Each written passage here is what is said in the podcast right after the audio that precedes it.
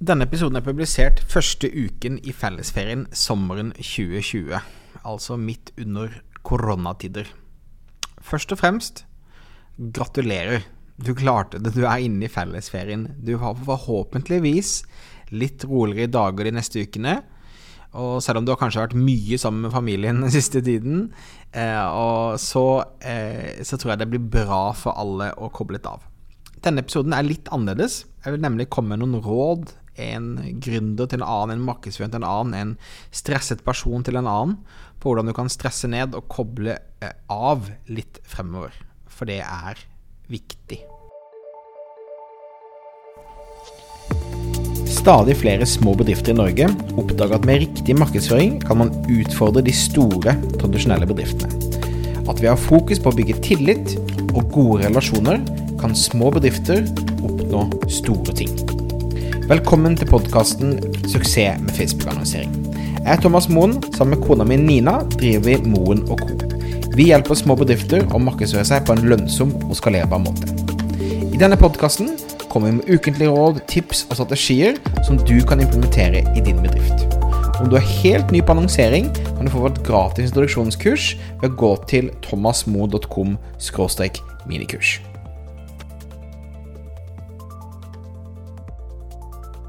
Så du stiller sikkert spørsmålet hvorfor i all verden på en podkast om Facebook-annonsering prater du om det å logge av og stresse ned i fellesferien? Vel, jeg er en sånn recovering digital addict. Eh, for fem år siden så publiserte jeg en bok sammen med kompisen min Lars Brottsberg som het Logg av. Og den kom basert på at jeg så at jeg hadde basically tatt overdose av eh, mobilavhengighet, av sosiale medier-avhengighet, av å få eh, positiv feedback på, fra andre for å føle meg bra, osv. Og, og eh, det var en bok som var viktig for meg å skrive. Eh, jeg var glad for at eh, Lars var med og skrev den sammen med meg. Uh, og det har også vært med og gjort meg til en bedre forretningsmann, en bedre markedsfører, et bedre menneske, og finne en balanse for det jeg snakker om, er å utfordre de digitale vanene dine og finne en balanse som passer for deg og de rundt deg. Vi lever i en så travel tid eh, med så mye innkommende støy og så mye muligheter til å bli underholdt hvert eneste sekund, så det er viktig å utfordre de satte vanene du har. Hjernen tar bare beskjed, ikke sant. Hjernen, eh, så du må, du må sjøl jobbe med å sette deg noen gode vaner. Så jeg oppfordrer deg til å være mer bevisst på dette rundt dette nå i ferien.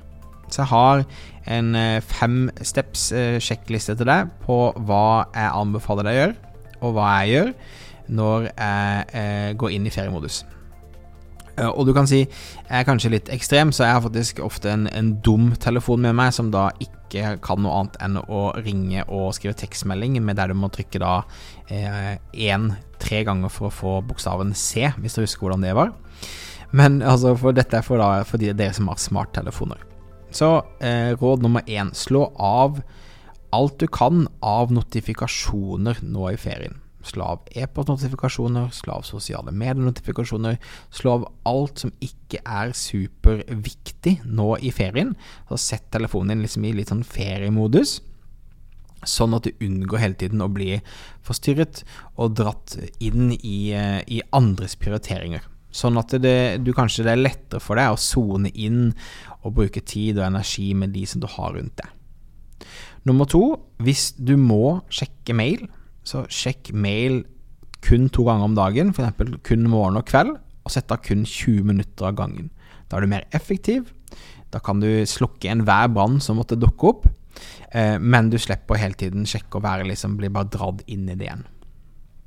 Nummer tre, vær bevisst på bruken av de sosiale mediene. Altså, eh, det er vanskelig å kontrollere eh, f.eks. hvor mye tid du sitter og scroller på Instagram, og du tenker at kanskje jeg skulle heller snakket mer med min kjære eller min venn eller mitt barn enn å sitte og scrolle gjennom Instagram-feeden, um, så kan du f.eks. sette begrensninger på skjermtiden i, uh, i, uh, i de forskjellige appene. F.eks. maks 30 minutter om dagen på Instagram. Tips nummer fire la telefonen ligge i et annet rom. Du trenger den ikke hele tiden. Ideelt sett så kanskje kan du la den bare ligge på soverommet eller på, på kjøkkenet igjen nesten hele dagen, for det er andre rundt deg som har telefon, så hvis det blir krise, så får de tak i deg, og du kan ringe noen, og, og så videre så videre. Så prøv å begrense hvor mye du har telefonen din på kropp. Eh, og siste, ha fokus på å være til stede og skape minner som du husker, istedenfor å dokumentere hva du opplever. Så til slutt, det handler om da din balanse og finne det som fungerer for deg, men min oppfordring er at du alltid skal være ekstra bevisst i feriene. Du trenger det. Du er sliten, du har vært en stressende tid, du trenger å koble av litt. Vennene dine trenger det, familien trenger det, de trenger tilstedeværelsen din. Så lag deg noen gode minner i sommer som du husker selv om du ikke filmet eller tok bilde av det. Ha en fin sommer, og så høres vi igjen neste uke med en litt mer marketingfokusert podkastepisode. Men det var viktig for meg å komme med et råd til deg, for det at det har hatt så positiv impact på min hverdag. Og jeg håper at dette kan være noe som kan sparke, at du tar ting eh, litt mer bevisst i forhold til hvordan du bruker telefonen, istedenfor at telefonen bruker deg. Ha det fint.